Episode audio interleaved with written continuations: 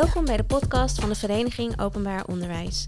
Tijdens deze podcast praten we over kansengelijkheid, inclusiviteit, diversiteit en burgerschap in het onderwijs. We gaan in gesprek met Sanne Spiro. Zij werkt als projectleider bij de Alliantie Kinderarmoede Nederland vanuit Sardes. Sanne, welkom. Dankjewel. Wil jij uh, iets vertellen over waar je precies mee bezighoudt bij de Alliantie? De Alliantie Kinderarmoede is een netwerk. Dus dat betekent dat wij uh, inmiddels zo'n 275 partners hebben in Nederland. En dat zijn scholen bijvoorbeeld, of onderwijspartners. Uh, ook zoals uh, Vereniging Openbaar Onderwijs is partner van ons. Maar dat kunnen ook gemeenten zijn, of bedrijven, of GGD's, JGZ-instellingen, kennisinstituten, fondsen, brancheverenigingen, nou noem zo maar op. Al dat soort sectoren hebben zich aangesloten bij de Alliantie Kinderarmoede en daarmee beloofd hey, wij gaan een stap extra zetten om er samen voor te zorgen dat in 2030 geen kind meer de dupe is van armoede in Nederland. Dat is in het heel kort de kern van de Alliantie Kinderarmoede. Het initiatief is natuurlijk gekomen vanuit een vraag of een constatering wat betreft armoede in Nederland. kun jij um, kort in kaart brengen hoe groot dat probleem is? Ja, zeker. Eigenlijk zou je willen dat dat niet nodig is natuurlijk. Hè? En dan waren, was het ook nooit gestart. En dan hadden we inmiddels ook niet meer bestaan. Maar de Alliantie Kinderarmoede is nu drie jaar geleden uh, gestart. En uh, dat is omdat er veel urgentie bleek als het gaat om kinderarmoede. En dat, er zijn twee rapporten die heel erg die urgentie lieten zien uh, een aantal jaar geleden. Dat was het rapport van SER, Opgroeien zonder armoede. En een rapport van de kinderombudsman. En dat heette Alle kinderen kansrijk. En daaruit bleek gewoon heel sterk dat opgroeien in armoede op alle vlakken in het leven van het kind uh, beperkt in die ontwikkeling. Dus dat het een groot probleem is. Wat je dan ziet is dat we dat met elkaar eventjes, hebben, dat we dat zien.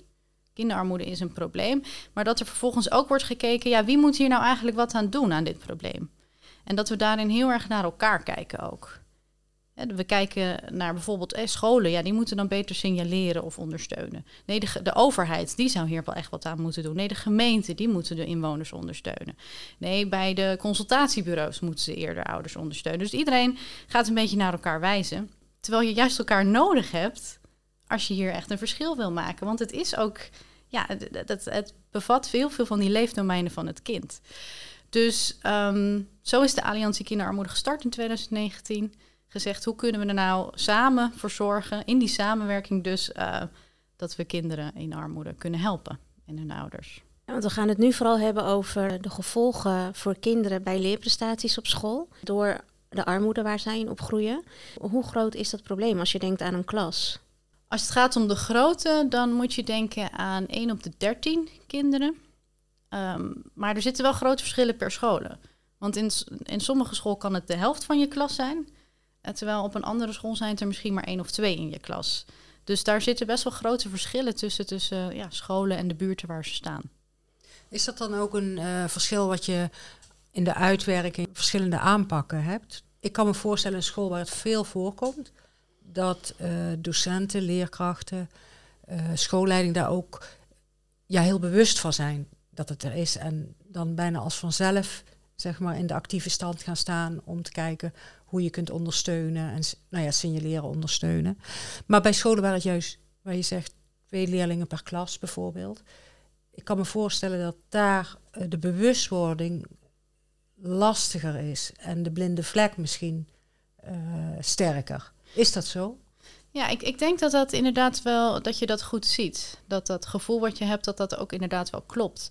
Um, maar vanuit het kind gezien, hè, want wij, wij kijken graag juist vanuit het kind altijd naar, naar armoede. En vanuit het kind gezien is het ook anders als veel van jouw klasgenootjes in eenzelfde schuitje zitten. Of als jij het gevoel hebt dat jij de enige bent die in dat schuitje zit. Dus het heeft ook, ook voor hmm. kinderen zelf is natuurlijk anders om op een school te zitten waar het veel of minder voorkomt, eigenlijk het is heel goed om je te realiseren dat opgroeien in armoede gevolgen heeft niet alleen maar op, op school of, of leerprestaties, maar op verschillende leefdomeinen van het kind. Um, en dan kun je dus denken aan het sociale netwerk en de relaties van kinderen, bijvoorbeeld met vriendschappen of uh, het soort buurt waar je woont of de gezondheid van kinderen. En je ziet dan dus dat kinderen of jongeren die opgroeien in armoede niet altijd mee kunnen doen met bijvoorbeeld activiteiten van hun vrienden. Um, of ze groeien op in een buurt waar weinig te doen is of waar ze zich onveilig kunnen voelen. En als het gaat om de gezondheid, ja, die kinderen en jongeren met veel geldzorg thuis, die ervaren heel veel stress daarvan. En dat kan resulteren tot kinderen in je klas met buikpijn en hoofdpijn en dat soort klachten.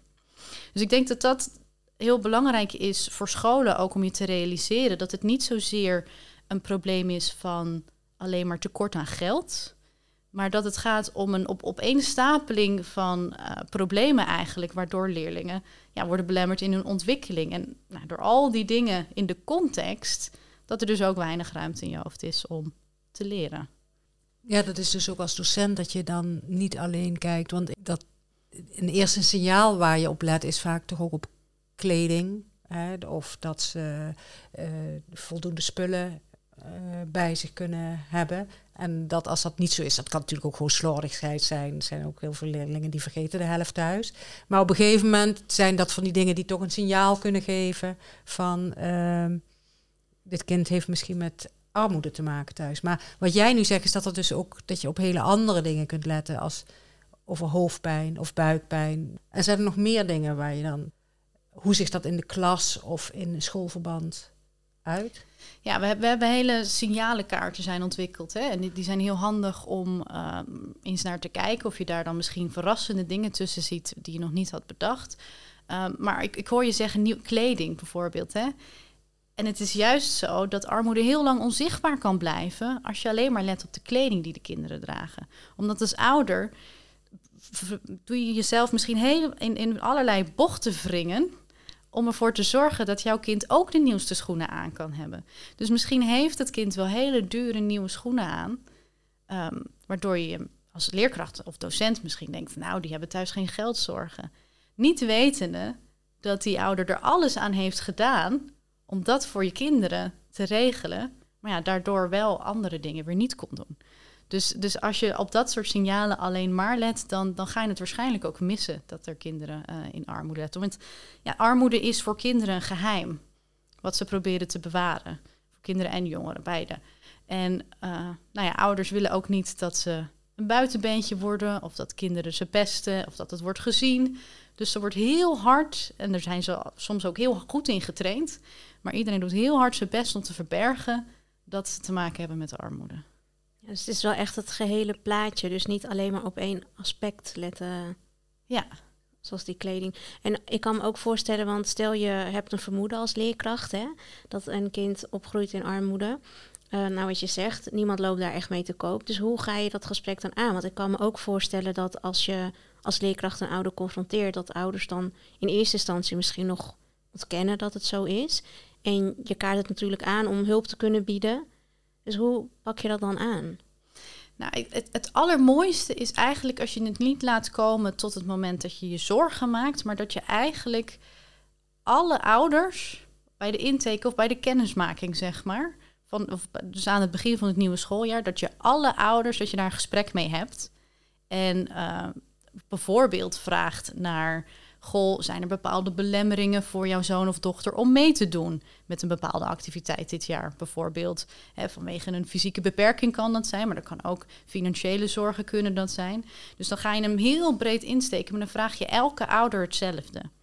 En ik denk dat het, als het gaat om armoede, uh, belangrijk is dat je niet pas mensen gaat helpen op het moment dat, het, dat de zorgen al groot zijn, maar dat je het eigenlijk het liefst al um, ja, van tevoren investeert je in het opbouwen van die pand. En dat je van daaruit kunt gaan helpen voordat je eigenlijk al de effecten ervan ziet op school, zeg maar. Kijk, een van de signalen bijvoorbeeld die in, in zo'n signalenkaart staat, is dat een, een kind niet komt opdagen op school op de eigen verjaardag. op de eigen verjaardag wordt er vaak getrakteerd en dan heb je daar bijvoorbeeld geen geld voor, dus dan kom je niet op je eigen verjaardag op school. Ja, mij doet het, en ik, ik denk dat, dat jullie dat ook voelen, pijn in mijn hart dat je, dat je zou moeten wachten tot dat gebeurt zeg maar. Want dan heeft hij dat kind alweer een verjaardag gemist op school. Dus ik zou het heel mooi vinden als we um, ja, ons realiseren. En dat is denk ik het allerbelangrijkste. Uh, allereerst die bewustwording. Die realiseren dat deze problemen er kunnen zijn. En um, dat je dus van tevoren probeert uit te zoeken welke leerlingen kunnen hier thuis geldzorgen hebben. Want dan weet je wat je kunt doen op het moment dat, het, uh, dat er iets aankomt wat geld gaat kosten. Je zegt dus in, uh, tijdens een eerste gesprek met ouders, hè, bij een kennismaking aan het begin van het schooljaar.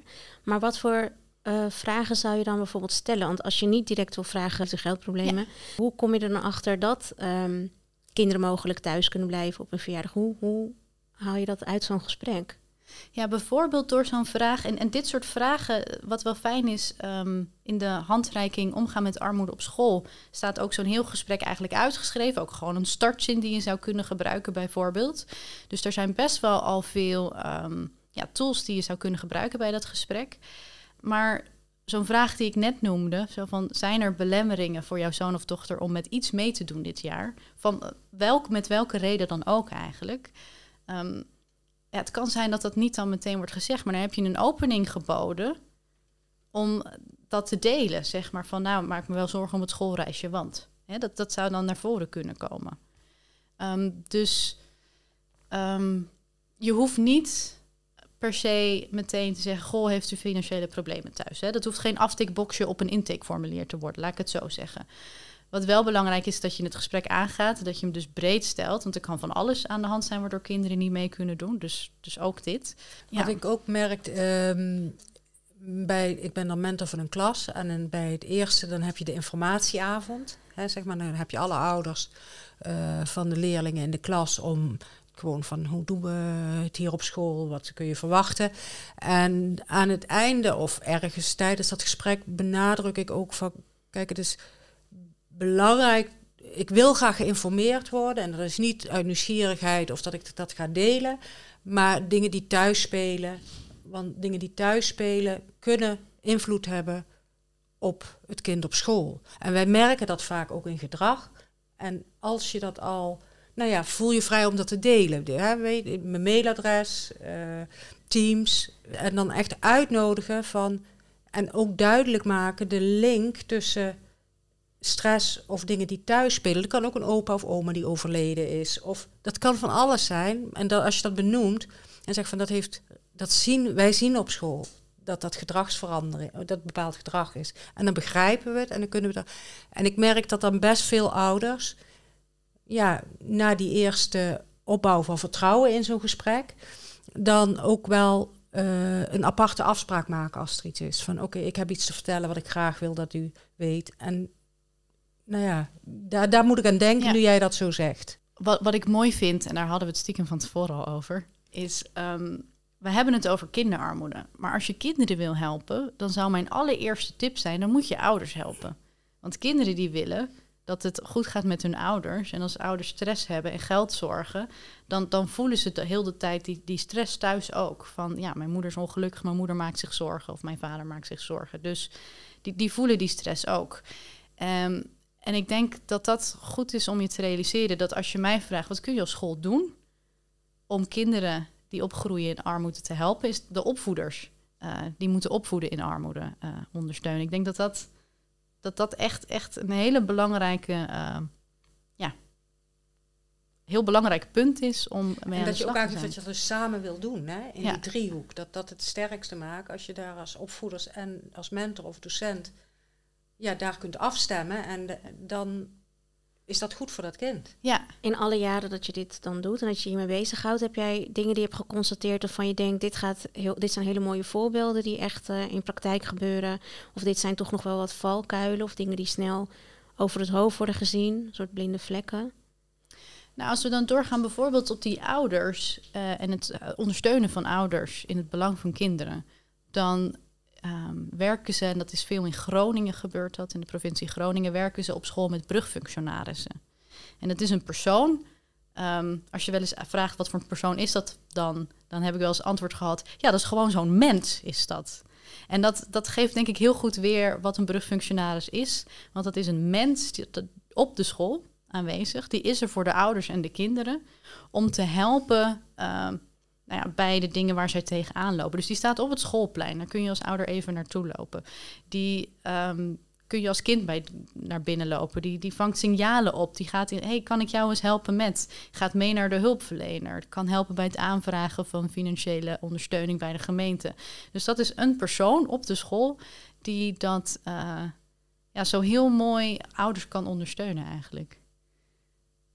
Ja, en dan kan je ook meteen ouders wijzen op, op mogelijke hulpbronnen. Ja, precies. Want dat is ook niet lang altijd bij iedereen bekend natuurlijk. Nee, en, en, en zeker, ehm, want het is niet bij iedereen bekend. Het is natuurlijk bij, bij ouders zijn soms voorzieningen niet bekend. Maar ik merk dat er sowieso heel veel nog onbekend is over armoede en, en kinderen die opgroeien in armoede. Ehm, als je kijkt, veel mensen hebben misschien de sierencampagne gezien van vorig jaar, van die 1, 1 op uh, de 13 kinderen. Nou, ik zie jullie knikken, dus dat is hier herkenbaar. Maar de 1 op de 13 kinderen hè, groeit op in armoede. En er waren ook een aantal filmpjes van op school. Uh, voordat die campagne is vormgegeven, is er een onderzoek gedaan even naar hoeveel mensen weten eigenlijk van kinderarmoede in Nederland. Hoe, hoe goed is dit probleem in beeld? En toen zagen zij dat 82% van de Nederlandse mensen schat het aantal kinderen in armoede te laag in. Dus dat allereerst al dat we denken dat dat een veel kleinere groep is in Nederland dan dat het daadwerkelijk is. Um, vervolgens denkt bijna de helft van deze ouders, van deze mensen, dat um, de ouders van die kinderen niet, dat die niet werken. Maar ook dat is eigenlijk een, een, misconceptie die we met, met elkaar in de maatschappij hebben. Dat er alleen maar armoede is als de ouders niet werken. Terwijl er ook heel veel kinderen in armoede in Nederland opgroeien. Van ouders, twee ouders, die beide werken. En dat heeft dan te maken met een, met een laag loon of flexibel werk, als het gaat flexibel in de uren. Dus dat is heel erg onzeker werk wat dat betreft. Um, maar als jij als leerkracht of docent of als school ziet, nou, de ouders van dit kind werken, dus er zal genoeg geld zijn thuis, dan is dat dus een veronderstelling die niet, altijd hoeft te kloppen. Dus ik denk dat die, die bewustwording is een van de um, ja, meest belangrijke dingen. Allereerst als het gaat om die aanpak van kinderarmoede. Want als we denken dat het probleem er niet is, of we zien het probleem niet, dan is er ook geen reden om nou ja, allemaal mooi beleid te maken in de school om ouders te ondersteunen of allemaal uh, ja, acties te ondernemen als leerkracht of docent om hiermee aan de slag te gaan. Ze hebben toen mensen ook gevraagd: ken jij kinderen die in armoede leven? Nou, 77% van de Nederlandse bevolking kende geen kinderen die in armoede leven. Terwijl misschien wel. Want dat kan ook gewoon hè, de buurjongen of buurmeisje zijn. Als dat ook één op de dertien kinderen zijn, is dat ook bijna niet mogelijk natuurlijk. Dat nee, je precies. Niet kent. Nee, precies. En natuurlijk is het in de ene omgeving meer dan in de andere omgeving. Um, maar we zien het niet omdat, we het, nou ja, omdat er een taboe op zit en omdat het heel erg wordt beschermd en verborgen dat jij in armoede uh, leeft. Wat wij ook heel graag zouden willen zien als VO, hè, is dat er armoedebeleid wordt geformuleerd uh, op school. Dus dat daar uh, vast gewoon rekening mee wordt gehouden. Maar als zo'n groot percentage van de Nederlandse bevolking um, niet ziet dat kinderen in armoede leven, hoe vertaalt dat zich naar scholen? Spreek je ook wel eens scholen aan die dan aangeven, ja, dit is bij ons uh, niet aan de hand, dit speelt niet bij ons op school? Um, nou, ik denk dat dat er zeker wel is, ja. Ik denk dat er zeker een hoop scholen zijn die denken, ja, maar bij ons speelt dat niet zo. Um, en het kan ook zijn dat dat minder speelt, hè. Dat is, dat, dat is dan gewoon zo. We hebben al, elke school heeft een ander soort populatie eigenlijk binnen de school. Um, maar het gevaar is wat jij zegt als je denkt, oh, dit speelt bij ons niet, is dat je, dat je het überhaupt niet meer ziet, zeg maar. Dus omdat je er niet op let en niet mee bezig bent. En als je armoedebeleid hebt op school, dan, dan agendeer je ook dat kinderarmoede er is. Dus dat je, dat je dat in je hoofd moet houden, ook zeg maar in het, in, het, in het werk. Dat je dat moet weten. Kinderarmoede is er. Kan ook bij onze leerlingen zijn. Dus daar moeten we op letten met elkaar. Je, je geeft aan de scholen die uh, aangesloten zijn, of ja, die werken met de uh, alliantie. Daar gebeuren dingen. Kan je wat voorbeelden geven van initiatieven die, daar zijn of aanpassingen die, die scholen doen? En waarbij ze ja, die eerste stappen zetten. Ja, ja nou een, een ander, kijk, ik, ik zei net, als je kinderen wil helpen, dan moet je de ouders helpen. Dus zo'n voorbeeld als een brugfunctionaris is natuurlijk een mooi voorbeeld van wat je op een school kan doen. Maar ouders zijn ook heel blij als het goed gaat met hun kinderen. Dus je kunt natuurlijk ook voor kinderen heel veel betekenen, zelf heel veel betekenen. En dan vind ik mooie voorbeelden op scholen, um, vooral de initiatieven die de wereld van het kind vergroten. En het heeft, heeft ermee te maken dat um, als je kijkt naar bijvoorbeeld de zomervakantie dan zijn kinderen met ouders die geen geldzorgen hebben, die komen terug op school in september, augustus, september. En die hebben er heel veel ervaringen bij. En heel veel kennis eigenlijk en nieuwe, nieuwe dingen gezien. Terwijl wat je ziet is bij kinderen uh, met ouders die wel geldzorgen hebben, die um, hebben dat soort ervaringen niet meegemaakt. En daar zien we dus hè, het effect van die zomervakantie, dat zij met minder kennis dan voor de zomervakantie terugkomen weer op school. En ik denk dat, dat, dat initiatieven die eraan bijdragen dat je de, de wereld van kinderen kunt vergroten, dat ze hun talenten kunnen ontdekken, dat zij dingen meemaken die zij anders dus niet zouden meemaken, als het gaat om cultuur en sport bijvoorbeeld. Ik denk dat dat soort initiatieven uh, heel erg belangrijk zijn dan kan dat natuurlijk binnen de onderwijstijd. Uh, maar dat hoeft niet altijd. Je kunt als school ook samenwerken met partners voor uh, buitenschoolse activiteiten en, en, en, het daar aanbieden. Dus nou ja, goed, ik denk dat, het ook heel, dat er ook mooie voorbeelden zijn waarbij scholen juist die samenwerking zoeken met partijen om zich heen. Om kinderen dit soort activiteiten aan te kunnen bieden. En ook zijn dat uh, scholen die dat dan in de zomervakantie doen? Ja, ja, er zijn veel zomerscholen natuurlijk. En die worden vaak, of zover ik weet, uh, um, vaak georganiseerd vanuit de gemeente. In samenwerking met de scholen natuurlijk. Ja. Dus dat zou ook kunnen. Maar de, het wereld van kinderen vergroten, dat wil je niet alleen in de zomervakantie doen. Maar dat zou je eigenlijk ja, elke dag willen doen. Ja, we hadden daar eigenlijk net ook al even over, um, Inge en ik. Toen hadden we het even over de vrijwillige ouderbijdrage. Hè, en dat uh, blijkt nu dat dus niet meer um, gevraagd mag worden. Dat scholen dan moeite hebben met wat gaan we dan doen en hoe gaan we dan uh, buitenschoolse activiteiten of hoe gaan we activiteiten bekostigen. En dat ik dacht, ja, dat dwingt je ook als school om een keuze te maken van wat gaan we dan doen en wat voegt dat ook eventueel toe aan um, het wereldbeeld van een kind of aan uh, de educatie van een kind. Want je, hebt natuurlijk, je kan natuurlijk naar Walibi gaan of naar de Efteling. Dat is vooral heel leuk. Maar je kunt ook iets doen waarbij ze ook nog iets meekrijgen van uh, iets waar ze normaal thuis niet uh, van meekrijgen. Dus dat is dan ook meer waardevol. Dus ik denk dat uh, die komst uh, van het niet meer mogen vragen van de vrijwillige ouderbijdrage, dat dat ook misschien scholen kan helpen om na te denken wat willen wij kinderen ook bieden. wat kinderen misschien anders niet met hun ouders zouden doen. En wat we dan wel op school met hun kunnen doen. Ja, ja naar de vrijwillige ouderbijdrage mag je natuurlijk als school nog wel vragen. Maar het is nu moet je wat nadrukkelijker erbij zeggen dan voorheen werd gedaan dat het echt vrijwillig is. En is het dus zo dat je uh, nou ja, geen deurwaarder meer mag sturen, zeg maar. Uh, dat, was voorheen ook niet de bedoeling bij de vrijwillige ouderbijdrage. Maar dat is wel iets in, in de praktijk wat we hebben gezien. Ja, en toen werden kinderen ja. natuurlijk buitengesloten dat ze soms achterbleven. En dat mag ja. nu niet meer. Nee, precies. Nee, en ik denk dat het echt een, een, een supermooie ontwikkeling is. En echt eh, petje af ook voor de mensen die zich hier zo hard voor hebben gemaakt. En, en dat dit nu echt een wetswijziging is, dat je deze kinderen niet meer mag uitsluiten uh, in het onderwijs van dit soort activiteiten. Nou, ik denk dat dat misschien een van de, de, de betere interventies is geweest van, de afgelopen, uh, van het afgelopen jaar eigenlijk, als het gaat om het leven van kinderen die opgroeien in armoede. Ja, kijk inderdaad naar activiteiten waarmee je de wereld van kinderen kan vergroten. Ik denk dat het heel belangrijk is. Ja, en ik, ik merk zelf, wij zijn nu ook aan het zoeken voor de Vaardighedenweek voor activiteiten. Dat is dan een week die we aan het eind van het jaar organiseren.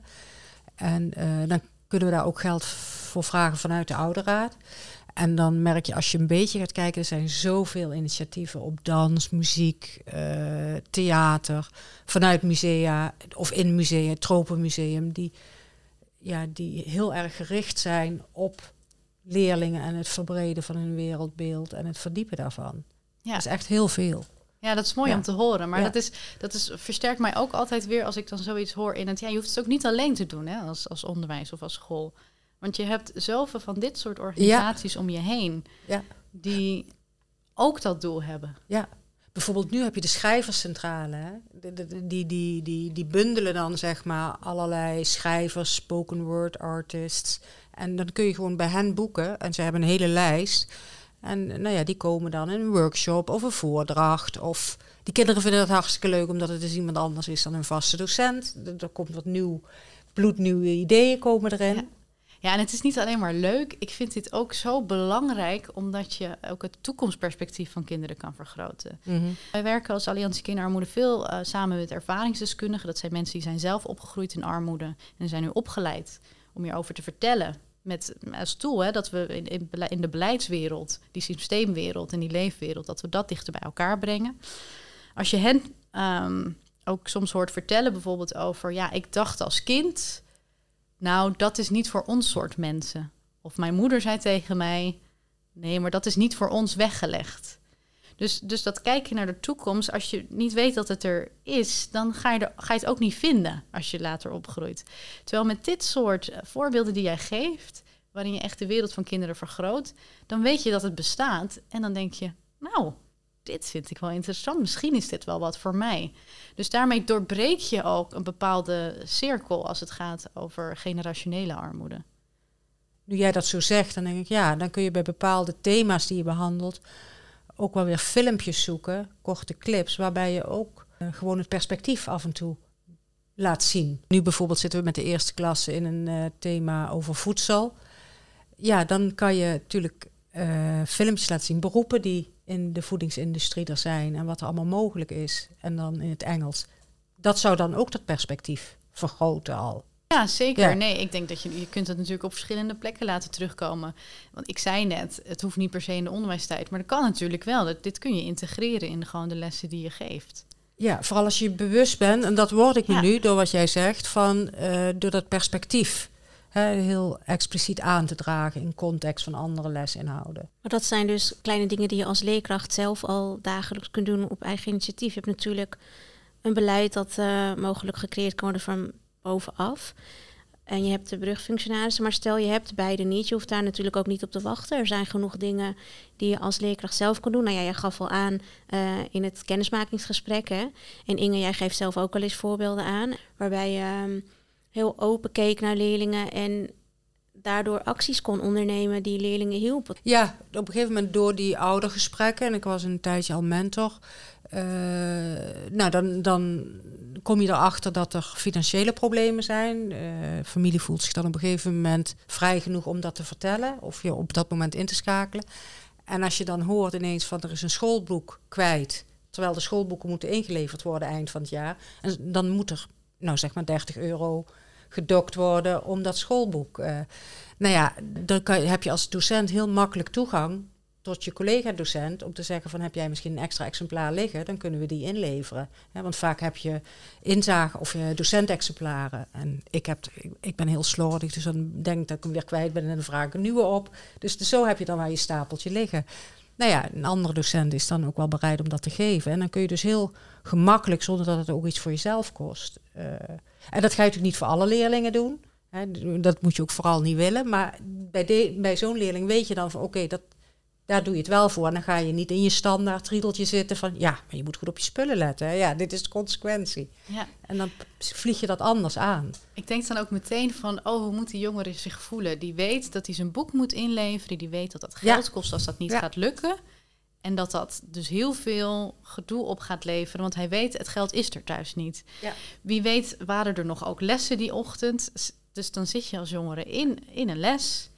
En je moet opletten en dat lukt je niet. Want je bent in je hoofd alleen maar bezig met... Ja, dat boek.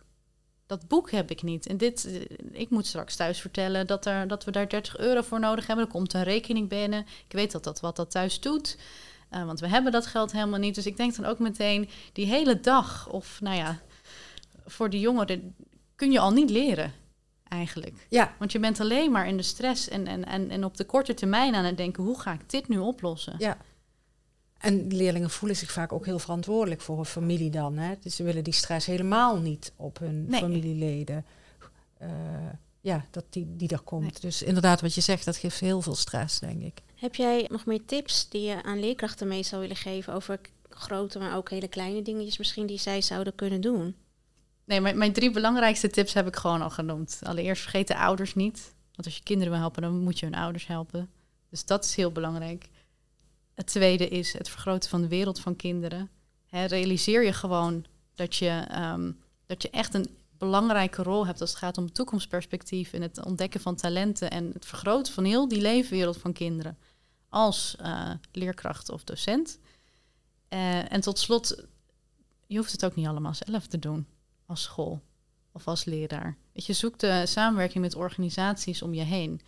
Bijvoorbeeld, uh, inderdaad, hè, cultuurinstellingen die heel graag de leerlingen ook eh, willen helpen en ondersteunen, bijvoorbeeld. Maar ook ehm, zoek samenwerking bijvoorbeeld met zo'n handreiking omgaan met armoede in het onderwijs. Want daar staan allemaal tips, stuk voor stuk, wat je allemaal zou kunnen doen om, het, om armoede te signaleren, om de leerlingen en ouders te ondersteunen en ook om hen te stimuleren. Dus dat is, ja, gaat niet allemaal zelf uitzoeken. Uh, weet dat het oké is als je het lastig vindt. En, en zoek dan vooral ook gewoon de hulp, zodat het minder lastig wordt. Ga eens kijken bij die Alliantie Kinderarmoede. Want wat wij doen is dus kennis delen. Zodat je niet alles zelf hoeft uit te vinden. En dat is praktijkkennis, dat is kennis uit onderzoek, maar vooral dus ook ervaringskennis vinden wij belangrijk om te delen, zodat je wat beter begrijpt. Wat gebeurt er nou in die gezinnen? Wat gaat er dan om in het hoofd van die jongeren? En we kunnen ook helpen als je bezig bent met een initiatief, met een pilot, maar je hebt nog niet de juiste partners om je heen verzameld om dat te kunnen doen, dan kunnen we daar ook bij ondersteunen. Ja, en de handreiking is misschien ook een mooi begin om je eens te gaan verdiepen in wat is er nou allemaal. Die is ook online te downloaden. Hè? Ja, de online versie staat op verschillende pagina's, um, maar onder andere ook op de www.alliantiekinderarmoede.nl. Daar is een digitale versie. Wat daar heel fijn aan is, is dat je ook meteen soms door kunt klikken naar voorbeelden of naar filmpjes in die handreiking. Dus uh, daarmee eigenlijk een heel rijk ja, denk- en werkkader ja. als je hiermee aan de slag wil gaan als onderwijs. Je had het ook nog over die kwaliteitskaarten, armoede. Ja, we hebben het veel gehad over tips eigenlijk voor leerkrachten en docenten. Maar wil je aan de slag met kinderarmoede echt vanuit je kwaliteitszorg en, en het armoedebeleid, dan kan het heel erg helpen om de kwaliteitskaarten voor het primair onderwijs of voor het voortgezet onderwijs, die zijn er allebei, om die te downloaden. Daarin word je eigenlijk geholpen om stap voor stap dat beleid te maken. Er zit een stuk in, dus wie is er nu verantwoordelijk voor dit beleid? Wanneer ga je het evalueren? Hoe voer je het uit? Uh, dus dan kun je het uh, heel goed borgen. En dat is natuurlijk ook belangrijk als het gaat om armoedebeleid, dat je het goed borgt, zodat je niet alleen dit schooljaar goed voor elkaar hebt, maar volgend jaar weer. Dankjewel. Alle tips en websites uit deze aflevering zijn te vinden op onze website www.voo.nl/podcast. Mocht je geïnspireerd zijn en zelf aan de slag willen gaan of andere tips willen delen, neem dan contact op via voo.voo.nl. Tot de volgende keer!